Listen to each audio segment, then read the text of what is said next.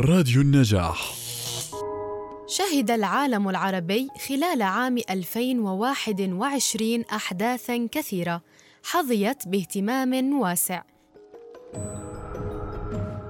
تنوعت هذه الأحداث بين ما هو سياسي، اقتصادي وصحي، فيما يلي جولة عبر الأبرز منها، والبداية مع الصين ورحلتها إلى الفضاء. في الخامس عشر من شهر أيار هبط المسبار الصيني تيانون وان على سطح المريخ ما يمثل خطوة محورية في استكشاف الصين للفضاء.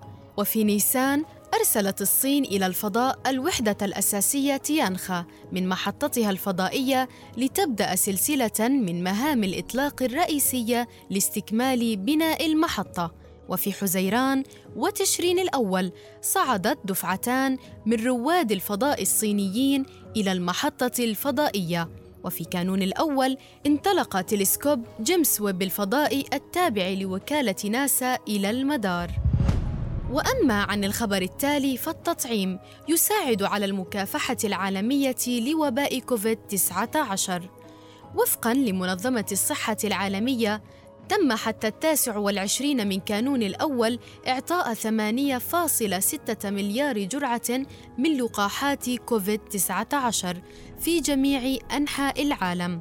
وفي حين ساعد التطعيم واسع النطاق في مكافحة الوباء على الصعيد العالمي فهناك حاجة ملحة إلى القضاء على فجوة المناعة.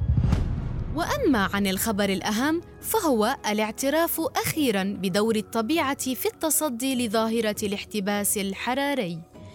إن الجهود العلمية الضخمة التي بذلت طوال العقود العديدة الماضية قد أثمرت أخيرا هذا العام وذلك وفقا لما قالته أستاذة حماية البيئة بجامعة بانغور في ويلز جوليا جي بي.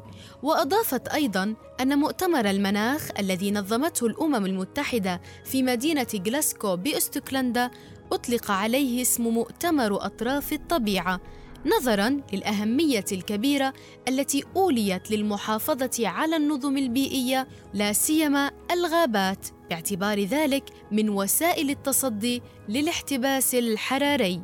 وأنتم أعزاؤنا المستمعين ما هي أبرز الأحداث التي حصلت معكم في عام 2021 جنى العمري راديو النجاح.